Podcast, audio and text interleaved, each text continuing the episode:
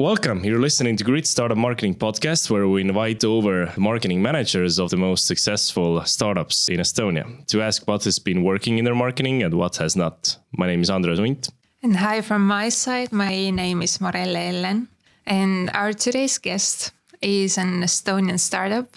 I don't even know if they are a startup anymore. They have really impressive numbers, both uh, revenue wise and marketing wise.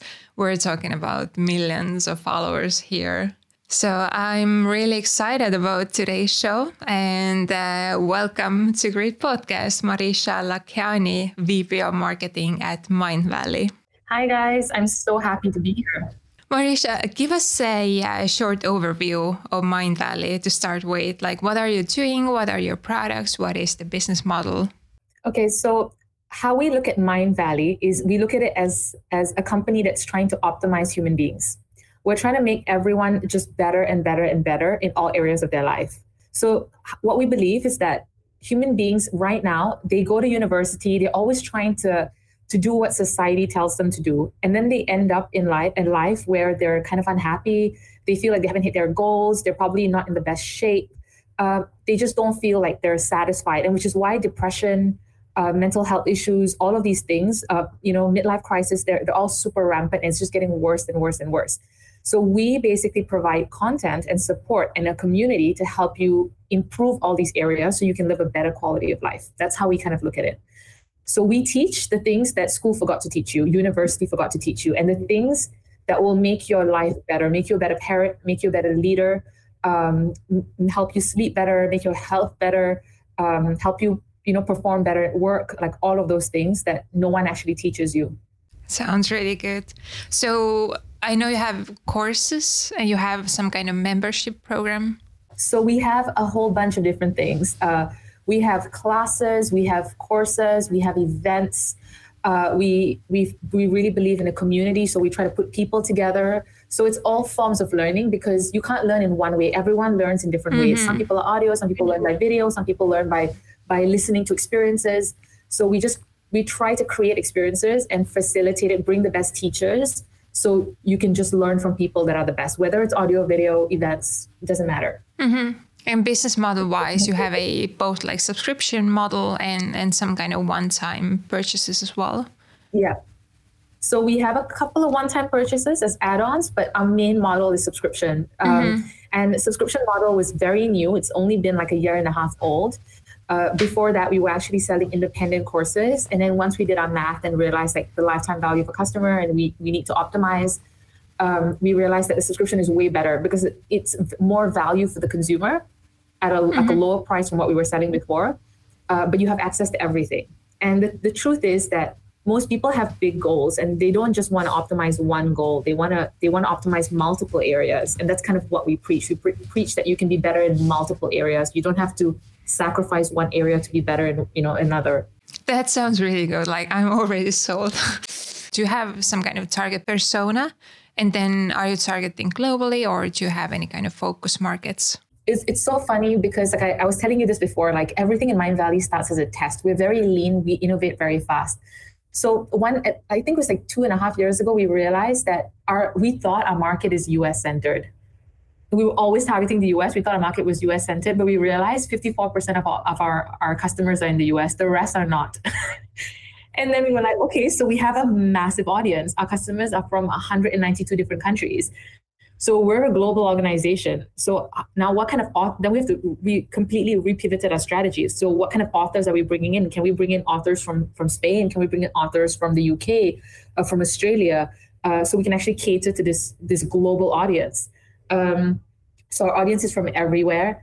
Um, in terms of languages, we localized pretty recently. So right now, you can find Mindvalley in German, uh, Russian, um, uh, Italian, uh, French uh, Spanish. So there's there's multiple languages as well.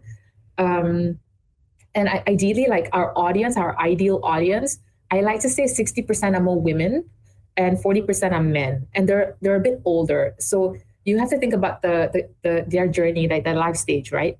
When you just graduate from university, your your immediate thought is to get a job.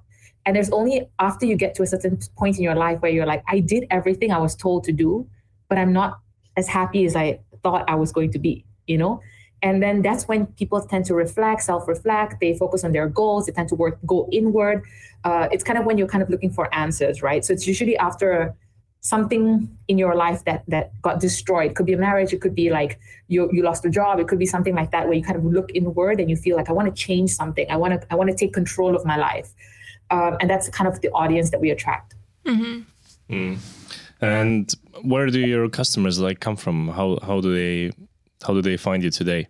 Um, so majority comes from us pushing. So that means advertising, social media, pushing content out, and then obviously people stumbling upon content through discovery, through through advertising, and then there's people that that get referred through word of mouth. So there's a lot of people that come to our events because we organize events around the world. We had one in Tallinn recently in Mindvalley University. Mm-hmm. Uh, we have one in the US. Uh, we have one, we're going to have one next year in, in most likely South America. I'm not going to say, um, but um, usually people bring friends, and when they bring friends, these people get sold because they they actually experience the community, they experience the authors, they experience the the possibilities of, of what what we do.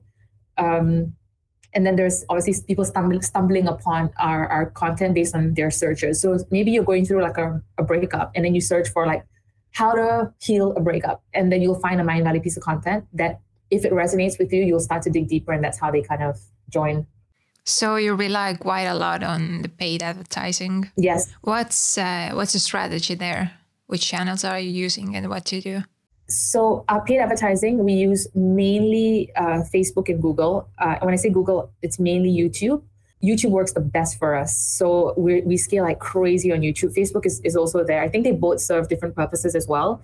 Um, and we're trying TikTok, we're trying other channels, but it's not as effective and as efficient and as as amazing as how YouTube works for us. And how we do YouTube is we basically create these videos.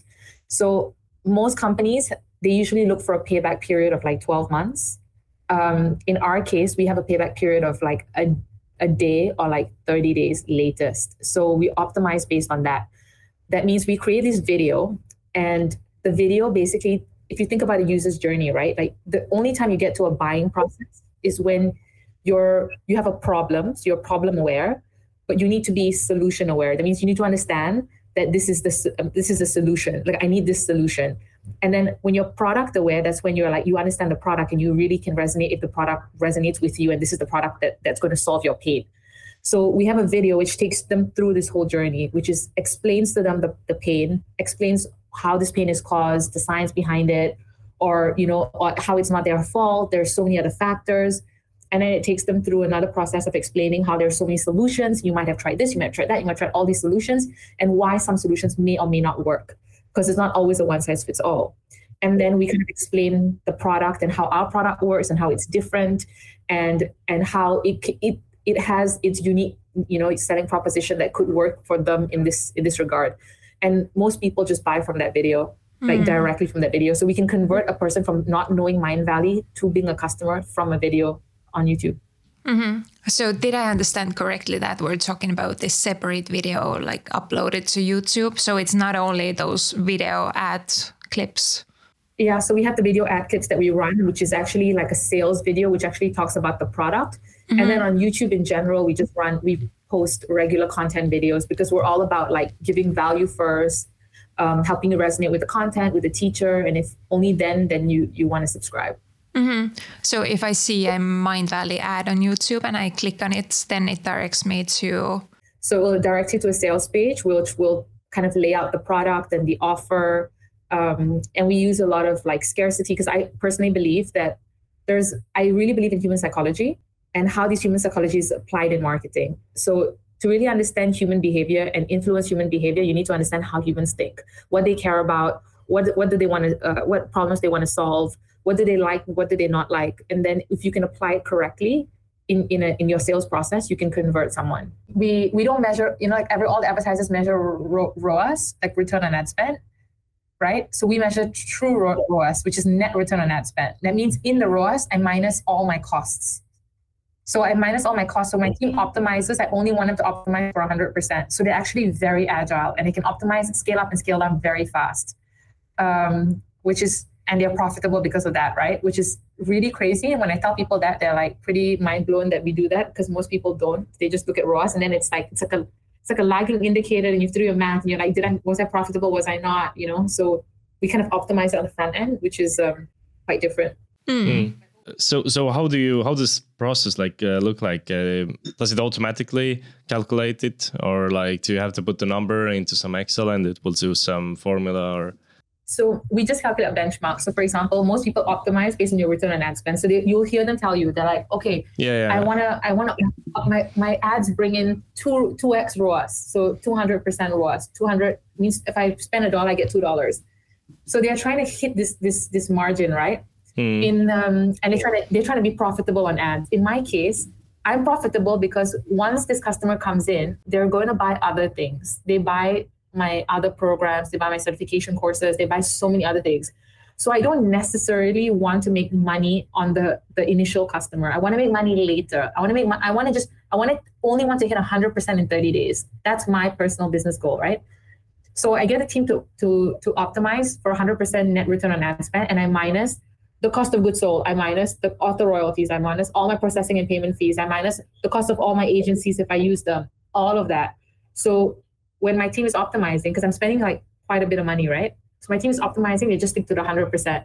And that way, I'm always profitable because I know I've already looked at all the refund costs, all the other costs that might incur later. I've already factored factored those in. It's never going to be a surprise later. Mm-hmm.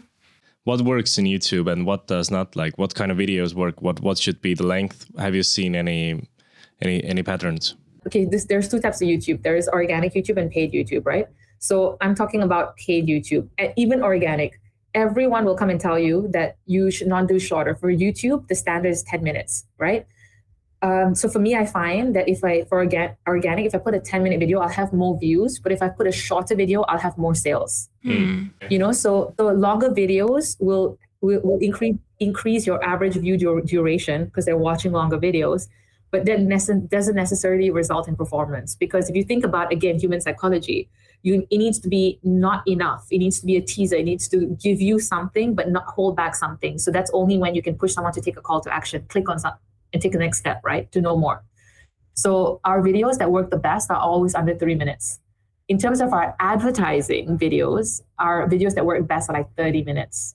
Again if you go to youtube and tell youtube that youtube will tell you never ever do that. That's against policy. You'll be you'll be you'll be paying a lot because you actually for media buyers you get you have to pay more for videos that are above three minutes. But in our case our videos are like 20 30 minutes. We pay more but we're still profitable. And what have you seen like through youtube ads in order to create sales? Um, does it need to have a clear call to action um, or, or or how like salesy it should be? I don't think it should be so salesy because again it's you have to build trust. You need to educate the buyer there's so many different factors in it. So you need to, we always believe in educating the, the buyer. So it's not just about like, hey, buy my product. That's never going to work. Buyers are way too smart for that, right? Uh, but it's about really educating them, so resonating with them. So this, these are some of the the way the videos are structured. First, you need to resonate with them. You need to make them understand that you understand where they are at in their life. You understand that they have this problem, and it's not their fault. Sometimes it could be like um, if they have a health problem, it could be really because they have health issues. It could be because they're consuming the wrong foods, because they've been told to, because they had different upbringing. It's never their fault. No one wants to live with a problem, right?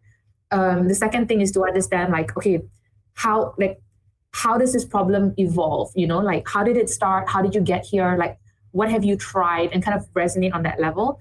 Then you need to build trust and authority. So you need to introduce like why are we experts in the field. Like if you were introducing an author, how are they an expert? What have they done? Because you, no one wants to blindly just go and buy a product of someone who hasn't made this, you know, ha, ha, who haven't made this work for other people, right? So we need to build that trust and show like this. This has worked for all these types of people. People who have, you know, these issues, that issues, whatever. It's worked time and time again. So you need to build that trust, and then you need to give them some value, something that they can actually believe uh, and they can see results like almost immediately, right? So usually we try to teach them something. We try to give them a hack or a tip or something that they can take away that they can actually try and validate. And then uh, and then we go and introduce the product. So we actually break it down. We tell them what they're going to learn, how they're going to learn it, how is it delivered, like as much info as possible. And then we we tell them how to buy the product. And we actually walk them through the whole thing. So the way to look at it is like this. Okay, if if you wanted to buy toothpaste, how much time are you going to spend buying toothpaste? Probably one minute. You'll go there, you'll just buy toothpaste because toothpaste is, is, such a low price point product. You don't want to waste any more brain power on buying toothpaste. But if you're buying a car, how long would you would it take you to buy a car? You would want to know everything about the car, the resale value, you know, like when the model, like, you know, the cost of changing certain parts. You want to know all those details because you want to feel like you're making an informed decision. So buyers just want to feel like they're making educated decisions. Um, and they want to feel like they can trust the brand. Simple as that, right? So that's kind of what we do in the video. We kind of give them that trust. We reassure them. We show them like how it's worked for other people. Uh, we give them as much info as possible so they can actually make an educated guess. One more question about uh, YouTube. Do you have any more like YouTube growth strategies, or you have over 2 million followers, which is quite a lot. so, how have you achieved that? Okay, so there's a lot that goes into it. Um, uh-huh, so the, there's multiple things. I can I can list it all out for you. Yes, yes, please. First thing is looking at programming. So the, our biggest blocker is the fact that we have so many different types of topics. So because we're posting about like one day it's health, one day it's relationships, one day it's parenting, one day it's this, it confuses the algorithm because it confuses the algorithm thinking, what is this channel about? If you have, a, if anyone has a, a channel that's just about one topic, it's a lot easier. In our case, it's a lot harder. So we should actually have 10 million. It's going to take us time because programming is harder. Uh, so first thing is programming, knowing that we're bundling things together. So for example, biohacking, health, and fitness, we, we release them closer together. So we focus on topics at a time, you know. And I'm sure like there's going to be other brands that have multiple topics. Don't don't be sporadic because if you're sporadic, it confuses the algorithm. Um, the next thing is how you make those videos, right? So like I told you, there's I have videos that go out that are like 30 minutes long, and I have videos that are two minutes long. They all have their place. So sometimes you got to try and test. Like, don't believe everything that you hear. That the video has to be on average ten minutes long. Like I do both. Um, so the longer videos have their place, the shorter videos have their place. Uh, SEO is critical. So you need to know what are the trending keywords and how can you add the keywords into the title and into the description. So you need to add the same keyword into the title and description. So for example, if you're posting a meditation, the meditation might have like uh, meditation audio or you know um, whatever the track that those keywords are you need to make sure it's included in, in your seo ranking. And then you can keep changing. So you can keep whatever the, is the next tra- trending keyword you can go back and edit the videos and change back the keywords. For the keyword research you are using the regular seo tools or is it do you have some kind of specific uh, youtube? The my team has a specific tool. I don't actually know the name of the tools that they use uh, but they, they go specifically and look for the, the words that are trending on YouTube specifically based on searches. And then they go in and change up the videos again. Um, and then we focus on the way the video is made. So even the video itself has to be made in a certain format. Because you got to think about the user, you need to engage the user. So you start off with a curiosity, then you introduce and you build authority, and you say, like, I'm the expert and you should listen to me because. And then you go into giving value. So you need to give so much value. And then all my videos at the end have a call to action. So there no video just leaves you hanging. It always tells you what to do next. And what to do next can be anything. It can be like go watch my other video. It can be like go sign up for on my list. It could be anything at all, but you got to give them like a next step because human beings just some of us like to be told what to do next. um, so always make sure there's a call to action. Thumbnails are super important. So if you have a good thumbnail is super important. So to how can you make the thumbnail curiosity driven? So we A/B test thumbnails like crazy, human faces, question marks. Um, usually the thumbnails that spark curiosity, like um, movement. You know, so sometimes when I'm like holding my head or I'm holding something and I'm about to throw something, anything that looks like it's a bit of movement gets people to click more. Uh, questions, anything curiosity driven, like random random words put together. But a thumbnail is different from the is from the description, right, of the video. So both of them can be different. You don't have to keep them the same. But um, engaging thumbnail is really important. My team's always optimizing for the first five seconds of the video. So we sometimes A/B test multiple variations of the first five seconds to see which one has a better view rate, stick rate, um, multiple things. There's there's honestly like an endless list of YouTube uh, optimizations.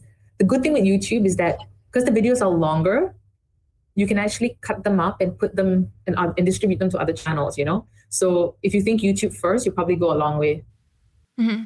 one question how to a b test on youtube it seems very straightforward that you upload a video.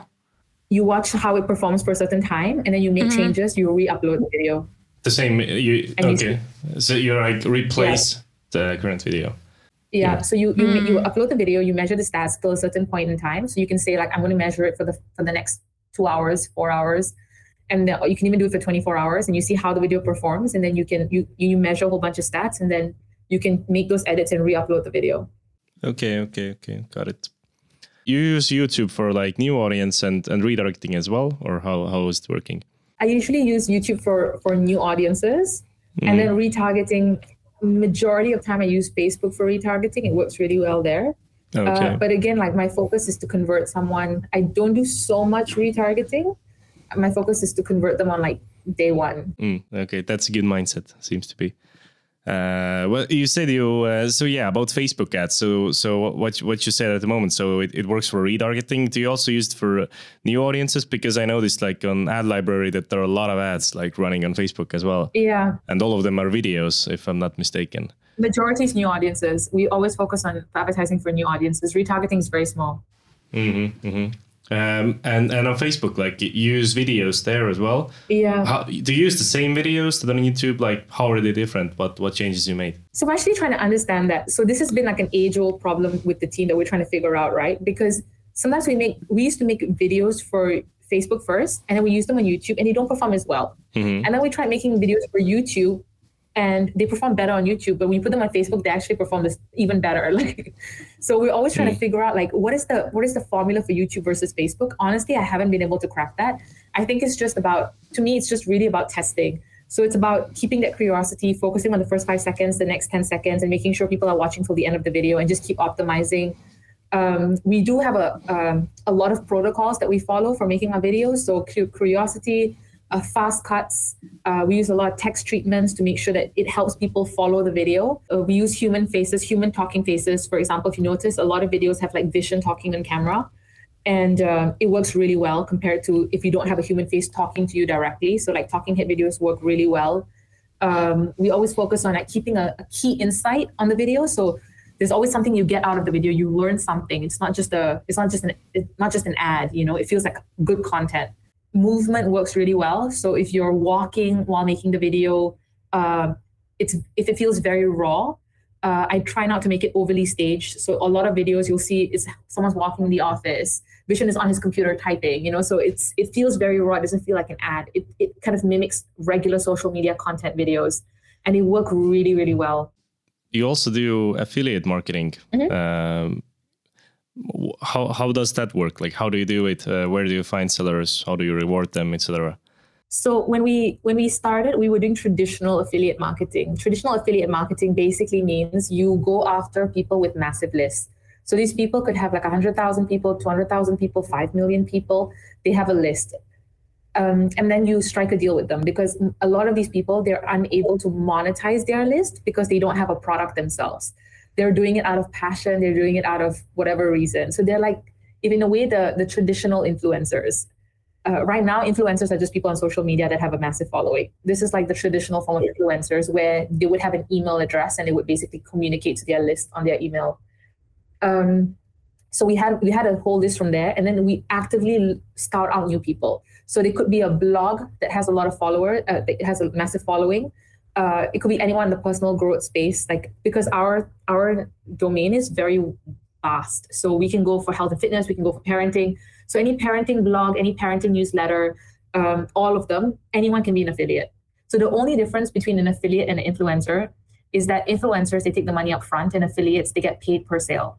So my affiliates i pay them for every successful sale.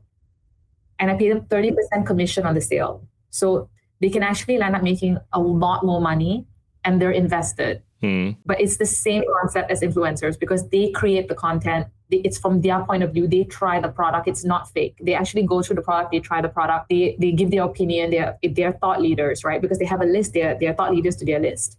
So it feels very organic. It feels very natural. And then if the list buys, we pay them a commission for the sale. Mm-hmm.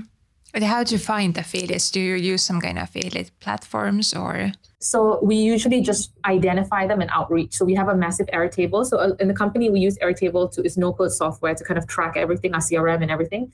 So we um, we basically have a list of affiliates that we we know in the market in the space, and we just re- outreach like cold outreach. Mm. And are there any specific tools uh, to manage um, affiliate marketing better or or to make it more efficient? The only thing is tracking because you want to be able to track all the sales to like like like the actual like to, to like the perfection, right?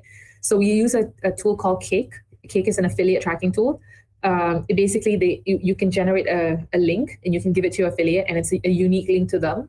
And then whenever any sale is made, it gets attributed to that link and then you you can easily calculate the commissions and pay them out. Mm. one thing that you mentioned in our pre-recording call was uh, email marketing and how important it is to like warm up the leads and get them to buy like to monetize the list. How how do you do that? Yeah because so we we've been collecting email lists from like back like from way back when. So our model was basically we send people to from advertising we would send people to a free class and if they didn't buy any in the class for any reason, they would subscribe to our email list. And with our email list, we'll send them regular updates of like what's happening in Mindvalley, other pieces of content, other classes. And the thing is that we have millions of people on our list. That, that also from every single language, right? So the Spanish list has millions, the German list has millions. There, there are millions of people. What we do is that uh, we send emails to the list every single day. Okay. Now, every single day, we send them value we're always giving them value. So the value is nurturing them. It's to keep them engaged, make sure they keep opening the emails, to make sure they, they're learning something. Then every other week, we do a launch to the list. So we take a product because we have so many products. So we take an angle from the product. So the main product is membership, but we'll use an angle. So the angle could be like your health and fitness angle, it could be like your parenting angle. And we'll do a campaign. So this campaign, if you think about it, like how Apple launches the iPhone, what do they do when they launch the iPhone? They get every channel to talk about the iPhone. Everyone is talking about the iPhone. And if you talk about the iPhone enough times, it creates more and more desire for someone to own the iPhone. So we do the same thing. It's called a launch. And we activate all channels at the same time. Everyone is talking about the same product at the same time. And we have a sequence. So the sequence is we'll do a paradigm shift, which is you you you thought you knew this about parenting, but here's a different point of view. So people are like, oh, tell me more like I thought I knew that. And now this is something new that I didn't know before. And then we'll talk about the author, like how the author is amazing and author has like this different style, you know, and we have to learn from this author. This author is an authority. So we build up the author's authority and talk about like they're a New York Times bestseller, they've done all of this, they've been on Oprah. And then we talk about the product, like we have a product with this person. We have a and there's free classes that you can attend. So maybe you can watch a couple of lessons and you can decide if you want to sign up for the product uh, and then we show testimonials. So it's a whole sequence, but it's basically a launch week where we act, we really activate that product on all our channels. So wherever you go, if you open Instagram, you open an email, you're constantly seeing the same product. So this way, it's like the rule of eleven. You got to see eleven times, right? And there's a lot of people that just buy that time from because they, they get so hyped up and so excited. Mm-hmm, mm-hmm. But like, uh, is it that? Does it always like needs to be controversial to grab attention? Like is it something that you always like strive for or t- try to find in every author? Like to say that hey you thought this was true but it is not. It's not necessarily controversial. It's more like a paradigm shift. So it's more like a new way of thinking. So a, a new way of thinking is like if i told you that exercise is not going to get you the body that you want it's actually going to be your diet and it's backed by science because exercise is like 20% of the game and diet is 80% of the game. It's a new way it's a new way of thinking. It's not a it's a new like a thought model. It's not it's not controversial it's science. You know so i'm not trying to debate debate authority or like you know create stir drama. I'm trying to tell you like this is just a different way of looking at it. So if you want to if you want to tweak mm-hmm. and you're going to get the best body for shape the first thing to tweak is your 80% not your 20% that's common sense so if you tweak your diet first and you can optimize that you're going to get in, in your in the shape that you want way faster than if you just constantly go to the gym to exercise but never touch your diet. So it's just a a, mod, a thought model because you might know that because maybe you're into health and fitness, but not it's not common knowledge to every single person, right? Mm-hmm, mm-hmm. Okay, uh, understood. Um, how much do you localize your marketing, and um, how do you choose which markets to localize? When we did that, when we went back and looked at our our audience, right? I told you 54% mm-hmm. was actually US, and the remainder was outside US And then we realized they were they were in France, they were in South America. Our audience was in uh, Italy, you know, these countries, the Yeah, UK, your uh, Australia. So then we mapped it out based on languages, and we found like okay, German, like German is is is, is like the next biggest language because everyone else speaks English. It's fine, right? So what we did is we started testing. Okay, so localization, the division started as a test. So first we had a hypothesis, and we were like, okay, so let, if we ha- if we no- we're noticing that a bunch of these people actually speak other languages, would they want to consume in another language? And is there a market for that?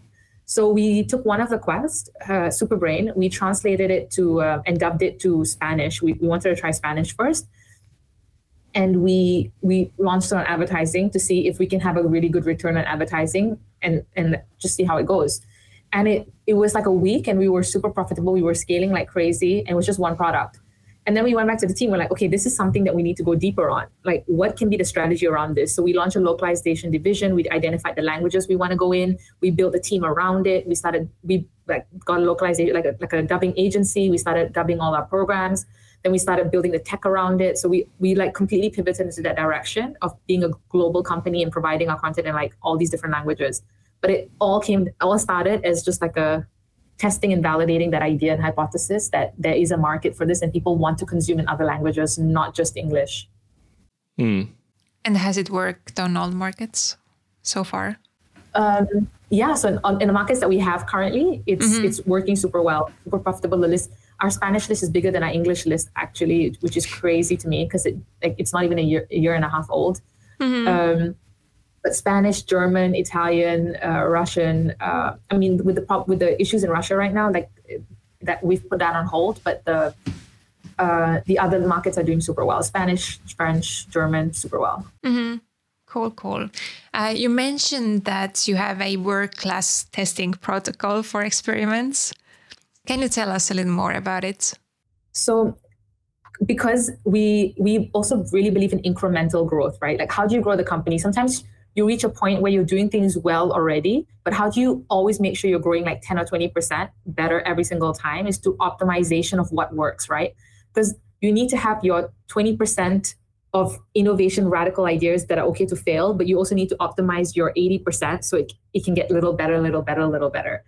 Um, so the growth team is super crucial. Like we're always talking testing ideas. We have Shark Tank meetings where everyone's pitching ideas on how we can optimize certain for certain business problems. So we like I will go there with the business problem and I say I want to solve this. This is the metric I want to move. This is the problem I want to solve, and everyone comes and pitches to me.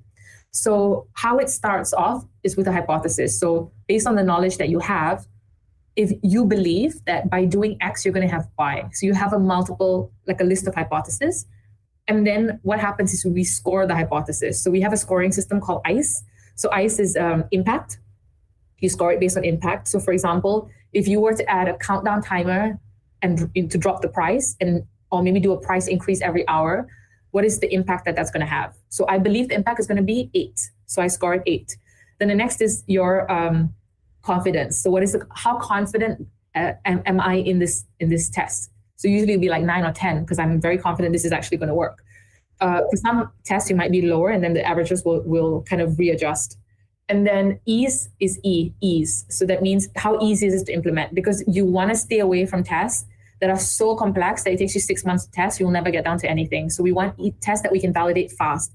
And if it's not easy at the get go, how can we make it easier? So, like localization, how can we not build anything? And how can we test it in, in the most leanest way possible?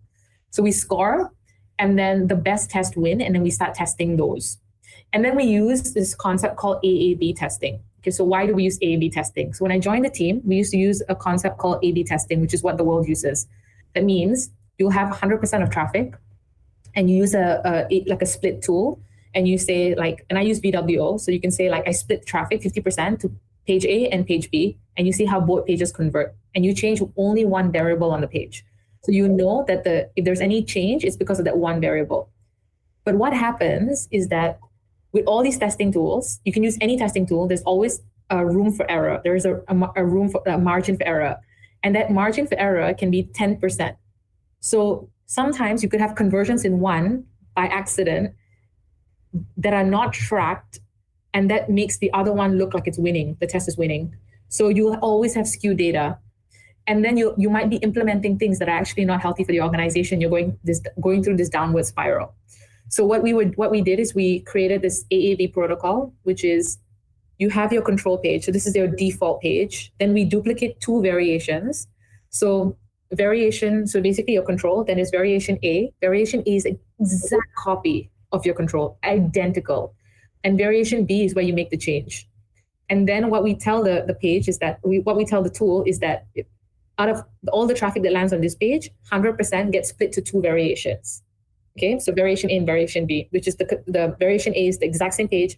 Variation B is the is the variation with the, the, the change. And what happens is we find sometimes 10, 15% of traffic doesn't go into the test and they still land on control. And there's conversions on control. But at least the traffic that gets split get exactly 50-50 and it's all randomized. So the test is so much more cleaner, the data is so much more cleaner, and we can actually rely on that, that data to scale and implement the changes and move on. So when we started implementing that, we were seeing like the results like being being like wild because like the control was capturing so many sales that normally would be just left on control and we would think control is winning, but actually it, it wasn't really. Mm-hmm, mm-hmm. Mm-hmm. You also mentioned in the beginning that your team as a whole is very numbers focused or very results focused. Yeah. So when I when I took over the team, they all had different goals, and I kind of felt like they were they were not working together, so they were not aligned to each other's goals, which was what was creating a little bit of a friction, right? Um, so I, to me, I just did what made sense to me at that time, which is that if we're because my team is actually responsible for revenue, so my team generates ninety eight percent of the company's revenue. So because it's generating revenue, I was like the only metric that people really understand is kind of revenue, right? It's sales. Everyone, uh, you might not understand engagement as much, you might not care as much, but when it comes to money, everyone understands money. You know, they understand the concept of a sale. They understand the concept of acquiring a customer. Like that is what everyone understands. Doesn't matter what team you are and what metrics you have and what channel you own and, and all of that stuff. So the first thing is I made sure they all have those metrics, customer metrics and, and revenue metrics which was already like a big question mark. Like oh my god social media has like revenue metrics? Like that's crazy. Customer metrics? That's crazy. But it made it super easy to align and track because what i would do is that i know that i have to hit this target. I would just divide it down to every single team and every single individual. So you have clarity of what your contribution is. And when one team wasn't hitting that metric i knew exactly where to go in and, and, and resolve or deep dive or add more resources or resolve you know? So for me, it was very easy to optimize and scale because I knew exactly what was falling behind and what wasn't. Mm-hmm. Um, so from my perspective, it worked really well. It also helped the team align and we would celebrate wins. So when we hit like our first 100,000 subscribers, everyone was celebrating because they knew they did it together. So it actually worked in our favor because they knew they were they were working together as this 100,000 subscribers. And I would actually write it on a wall. I would gamify it and write it on a wall. We have to hit this number. Next is like 200,000 subscribers. So it made it actually fun, and they were all trying to see how they can help one another. So it worked in that in that way. Mm-hmm. But I guess where a lot of pushback comes from other marketing uh, managers is that they tell me that creative people should never own these kind of KPIs. Like creative people should just be allowed to be creative. That you can't control them with KPIs. But for me, I told my team that it's it's a way for them to grow because to really the, the right way to grow in your career is to be able to connect the dots with two things because it gives you a super, super superpower so if you understand that you can make amazing video, but you also know the video can actually perform and you know how to make it perform, you have an, a skill that no one else has. So they actually got really into it. They started buying into it and they started tracking these numbers. Now they all have Airtables. They track like the first five seconds, the view time, da, da, da, like all of it. And they come and report back to me that like I can optimize this this few seconds. I can make this better. So it's become like a like a game for them to to play in, you know, and win.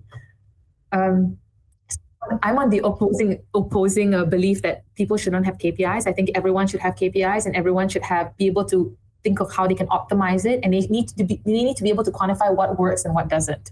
Because if not, you're making things, but you actually don't know if you're making an impact. About growth loops, is this something also that uh, you're familiar with, like uh, creating and validating growth loops? Can you create some, uh, show some examples here in in your context? So remember, I told you that I was. Um, I was optimizing for advertising, getting a customer, to, like a new a new customer uh, on day one. So like acquiring a new customer on day one. So the way to drop your cost of acquisition is to make sure that that one customer can bring in two or three other customers, right? Mm-hmm. So immediately your cost drops by, by one third. So what we did in the tech teams, I mean, with the tech team, is that we I, I got I got the tech team to build these growth loops. That means how can I incentivize a, a member to bring in other members because they were doing it already. They were already bringing the our new people to the events. It was happening. It's just that it wasn't being facilitated. So what we did is that now you can actually invite people to a class. So you can you just like click a button, you can invite someone to a class uh, we're now going to add like guest passes. So basically, you can give three passes to your friends and bring them to a class, you know, to any class that you want or to the app, and they have like 30 days free to enjoy. So the whole point is to incentivize them at that point in, in, in their journey to to bring in other people. And it's very organic because even when you you go to a, a wellness class or a class pass or any of those things, you don't go by yourself. You would invite a friend, tell your friend like, hey, you know, I'm with this class. Do you want to join me? and people do that very organically so it's not something that you have you don't even need like feature adoption for that like it, it happens you just need to facilitate it mm-hmm. and how did you start to facilitate it so the first thing was the was the classes so basically having an invite invite them to a class. So when you're in a class it could be a master class. So a master class is like a free 90 minute class that you can attend around a topic. Uh, you can actually invite people to those class and we would we got like in a month we got like 12,000 new new leads just from testing this feature. Do they get anything for inviting people to the class or that's the beauty about it. You actually don't get anything. It's mm-hmm. just that if you like this class, would you like to share it with anyone? Any anyone you think can benefit from this class? That's all it is. Mm-hmm. And we never incentivize them and people would just refer their friends and family. It's after the class so that they know that the class is good and they want to recommend it. Yes. After the class after they watch the class and so you might it's like you watch a movie and you you like the movie. What's the first thing you go and do? Hey, I watched this amazing movie. You should watch it. It's really really good. So, but no one's helping facilitate that. So here we just ask you. It's just a simple ask, and it's like you know this. It's, actually my personal motto in life: is if you don't ask, you don't get. So um, you just ask them, hey, would you like to share this class with anyone? And we had like twelve thousand new leads free. So it dropped that cost of acquiring leads, right? And the same thing with customers. So when you're a member and you're in a course, there's like you're doing multiple days of the course, and maybe you are on day seven, and we like, hey, do you like this lesson? Would you like to invite someone to do this this course with you? And most people want to do that because they want to be held accountable. Because if I if I'm friends with you and I tell you, hey, come do the course with me, chances are I'm not going to fall off the bandwagon. So um, so most people organically just invite. They're not even incentivized. Mm-hmm. Interesting. Mm. It seems that Mindvalley has quite a community around it. How how have you built it, or do you have any community creation tips to share? So funny thing is that our community, they're they're like some of them have tattoos. they get their babies to they create their own uh, clothing line for their kids. Like I've seen kids with like the wings on like their their little rompers, like Mindvalley tattoos. Yeah, they have, I've seen really? people with Mindvalley tattoos. Yes, so many of them have Mindvalley tattoos. It's crazy. Like that's community at another level because yeah. no one has a Coke tattoo. No one has a, a Amex or a Visa card tattoo, but people have Mindvalley tattoos. Like I even hired some of them who have there's even people who have been for events and then they shave their head and they have the wings on their head, like the back of their head. It's crazy. Wings is like the symbol of Mindvalley, or yeah, because the wings symbolize transformation. The wings symbolize growth. Mm-hmm. Uh, so it, it it means something, and they they become such brand advocates that they actually they want that on their body. Wow, it's crazy. Mm-hmm. They put it everywhere. Like I've seen people covers, phone covers, like organically. Like it's not even created by us. It's they were they created it. And how? okay, so it starts this. It's the whole journey. So Mindvalley is a very high touch point. So we're not a company where we kind of here's a platform, here's a tool, go use it. We're, we're very like uh, in, involved in, in your whole journey. So when I say high, high touch points, our customer support team, they respond to every email. Like there's literally people there. There's no bot. There's someone physically responding to your email and telling you and trying to solve your problem for you. That's a customized solution for you. So it's very high high touch point. Um, the second thing is that we also do like these onboarding calls that are very high touch points. So when you join Mindvalley, we're not just like here's tool, go enjoy. We have a call with a person that actually guides you through to ask you questions. They make sure that you're okay, that you're onboarded. It's it's a one to many call, it's a group call, but it's still like it's it's still a live call, you know. But ideally, how these people get to this point is that they do a, a program and they feel like their life transformed. So they actually experience a transformation. And then they go to one of our events. So they go to like a, a Mindvalley Fest, they go to a Mindvalley University, and they meet the community. And once they meet the other people in the community, they they are sold. So once they go to an event, they literally become Mindvalley customers for life. They do not want to leave. And they organize their own Mindvalley workshops. Like they'll take our course and they'll organize their own meetups and they'll do their own little thing. Uh, they've created these YouTube, they do interviews themselves on, on YouTube. So if you go to YouTube, you'll actually see a, a channel that's not our channel that's a customer interviewing other customers on their transformations. It sounds like Mindvalley is more of a like way of life or mindset not a brand or tool that they're using. Yeah, it's more mindset. It's more the fact that you can do more, you can be more. Mm-hmm. And it's a group of people that are, are putting in the effort to make that change, right? They're not just taking life as it is. They're they're actually proactively going and changing the world or changing themselves and doing those things. But it's crazy. So like sometimes we can't contain it because when I look at these YouTube channels, I want access to that channel, but it's not my channel, it's someone else's channel that they have created. There's like Telegram groups that people have created, and then they talk about their Mindvalley experiences they make their juice in the morning, they do their meditations, they talk about tips and tricks, and they're just powering the community. It's like the community is powering the community. Mm-hmm. Yeah. When you introduced Mindvalley and your mission, a question that came to my mind was uh, do you also measure the impact somehow? So that's that's something that we're working on that we're very excited to do. So how we measure impact right now is that we rely on the customer to tell us in, in the form of a story, like a case study. So they submit it to us and they tell us that I was experiencing this and now my life is different because of this and this is the impact that it had. But what we're building is we want to be able to quantify human growth. That means how are you actually growing from day to day, you know, and how, based on all the stuff that you're learning and all the exercises that you're implementing, based on the meditations, how is it imp- implement it affecting your states of bliss, your states your productivity at work and all of those things. So right now we're using a bit of ML, AI, and all of these technologies to try to figure out what that is. Like how can we track it and how can we create a flow and how can we provide reports to users so that every after every week, every month, you can go back and check like I have grown by X in these areas, and you can actually get these reports.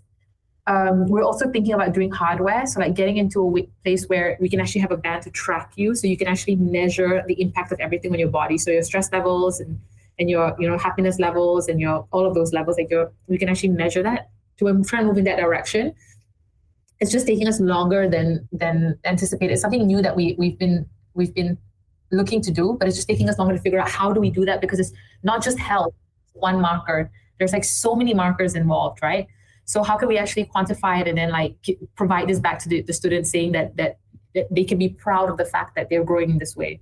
Mm-hmm, mm-hmm.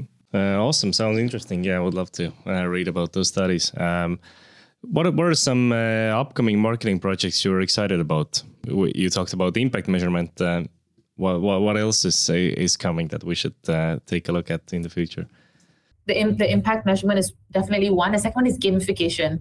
So how can we make learning so fun and sticky that people get addicted? It doesn't feel like they have to do this for themselves, but it feels like they're enjoying the process you know they can enjoy the process they can they can connect with, with people. So we're actually building this feature in the app as well where we connect you to people we think you should connect with. So for example you could be a dad in Tallinn and you have this this company that's like uh, that's five five million dollars uh, in in sales and you have four kids out of which one is autistic. Example and we'll tell you you need to meet these people because these people have the same challenges and goals as you and we think you guys are going to be best friends.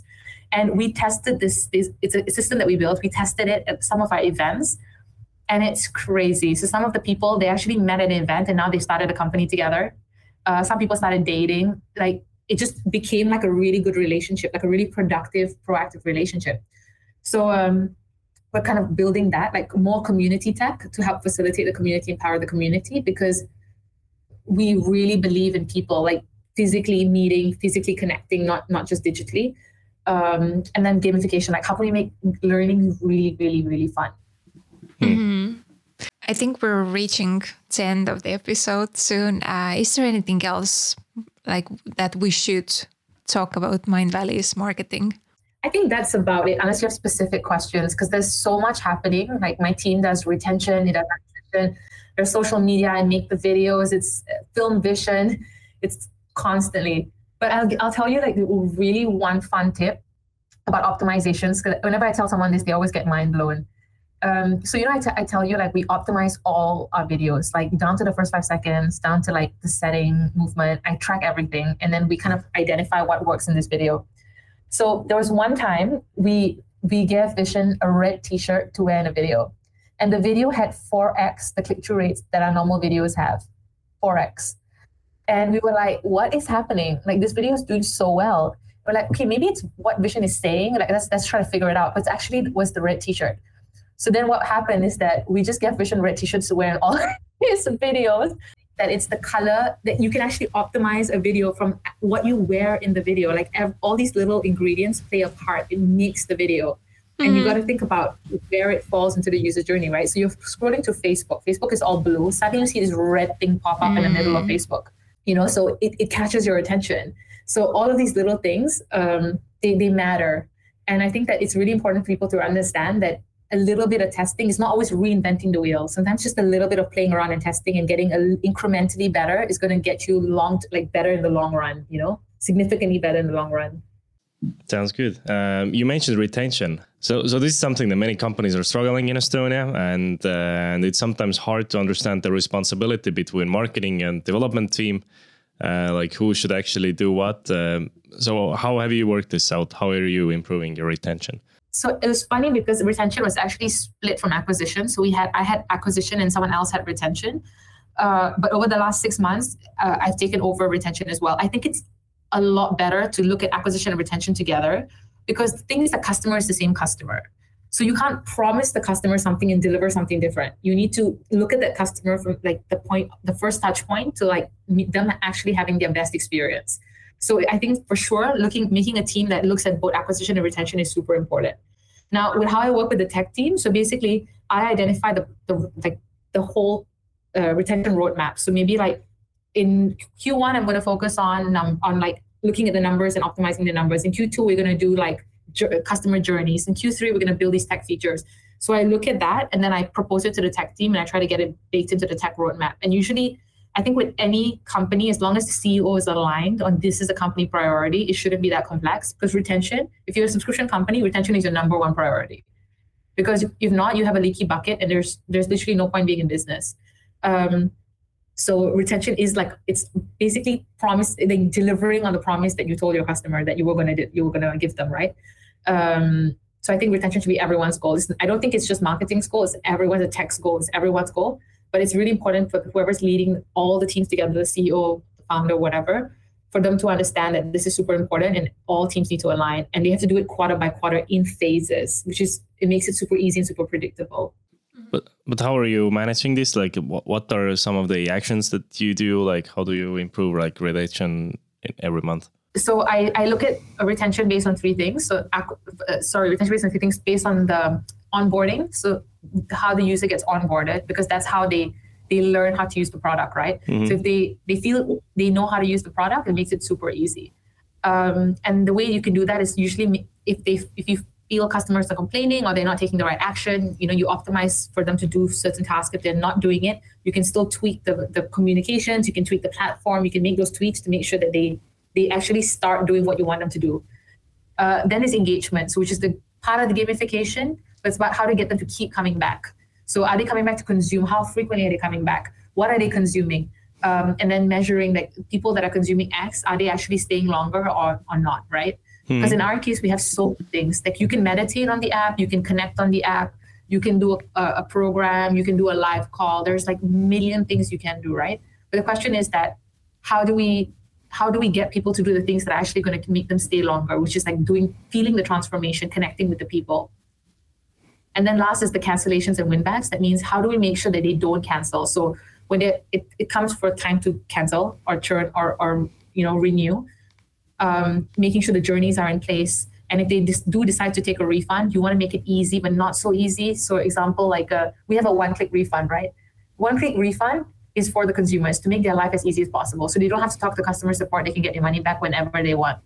So most people will tell you that's really stupid because that means you just allow people to take take their money back. But in a way, that builds trust. So let's create something that's that's focused on the user, and then will that actually impact acquisition? So you need to measure it backwards because doing something like that is customer centric, and being customer centric is actually retention, right? So doing doing these initiatives um, really help with retention to make their lives just as easy as possible. And then from acquisition, I just promote it back to acquisition, saying that you have this benefit, like it is one click refund, and you'll see your like your acquisition skyrocket as well. Mm-hmm. Can you give us some numbers here as well? What was the conversion rate before you had the money back guarantee, and what is it now? Do you know those numbers? So it was a while back, but I know that when I when I promoted the one click refund button, there was there was definitely a twenty five to thirty percent increase in sales on the sales page. Mm-hmm. You, you mentioned that uh, one one area is engagement, like if how how often the person keeps coming back. Um, how do you improve that or like um, what what extra have, have there anything that you've did over the last uh, last months and um, and how has it worked so i i focused more on behavioral emails behavioral communication so example they if they didn't come back what were they doing last and what they what were they consuming so it's not just broadly sending them messages but it's really understanding what they were doing before and how can you get them to do more of what they, they were doing what they like so, for example, there's some people that were doing a program and they dropped off for seven days or 14 days and they, they didn't come back. Then you want to make sure they just continue doing that program. So it's like, okay, let's, you can just binge through and you can get, get up to speed by just binging through that program. So it's a feature that you can build. And then it's just a, a communication that you can have with the customer, right? Saying that you have this ability to do this. But again, going down to identify like what is causing them to drop off and making sure that you're communicating with them, not just saying, like the team before would just say, oh, you can come back and there's so much you can do and there's new quests added and there's all these things that you that is available to you. That's overwhelming. Mm-hmm. So if I come to you and tell you like, hey, come back to Netflix, there's 2,000 more movies added, you're gonna be like, okay, like I don't have that many hours in the mm-hmm. day. But if I send you a message saying that, oh, you you watched this movie last, and we I you know there's more there's more I've added two more movies that I think you're gonna like on the same genre that you watched before it's more specific to you, most likely going to say, okay, let me go back and see what these two movies are about. It's really specific, right? Mm-hmm. So really like targeting the user and understanding their preferences. I think that's the ideally that's retention. Retention is not overcomplicated. It's really about understanding, the, taking the time to understand the user, and just communicating with them based on what they like and don't like. That's such a good point. Marisha, we have a, traditional last question here and you can't say Mindvalley, but uh, can you give us one recommendation on a marketing uh, book, podcast, or a blog, some place to learn from? So I make my entire team read this one book, and I think it's the best marketing book of all time. And if you haven't read this book, then I don't even think you can call yourself a marketer because I feel like you're missing out so much of fun in marketing. And the book is influenced by Robert Cialdini. So it's really down to like psychology and it's really how people people behave, you know? So there's like different triggers like reciprocity. So when you do when you give something free to someone, they feel indebted to you. So which is why sometimes you go into a shop and the, the, the, the, person in the shop spends so much time with you and they're like, I'm going to show you this, I'm going to show you that, I'm going to show you this, and let me show you that. What's your size? This is going to look amazing on you. And because they invest the time in you, you feel like obligated to buy something, right? So all of this are human psychology triggers. And it's so fun to it's fun to understand because it's fun to understand how your brain works. That's first things first. And the second thing is to understand how people like just general your customer's brain, your your boss's brain, everyone's brain works. It's you can use it in so many ways. So I actually use it even when I'm pitching like my ideas in the company. It's not just marketing. So sometimes when I'm pitching ideas in the company, I want my idea to be to, to make it up the way to the executive team and become an, an, an initiative and an OKR. I use all those triggers. It's like um, authority. So I'm like, I pitched this to Vishen, and Vishen said it was a great idea. So I wanted you to hear it too, you know? So um, authority, I use like all these different triggers, reciprocity is like, okay, I'm going to help you here. I, you know, now I need you to help me vote for my idea back, you know? So there's like a lot of these triggers that you can use but it just really makes life easier once you really understand how human beings think. Awesome. Uh, thank you. Thank you marisha for uh, sharing all the knowledge with us and explaining how things uh, should be done. Um, also thank you for listening. Um, i hope you found some practical takeaways that you can apply tomorrow if you liked the episode please share it with someone who might benefit from it and if you do it on social media make sure to tag us See you at our next episode where we sit down with another experienced startup marketer. Take care and keep up the good marketing.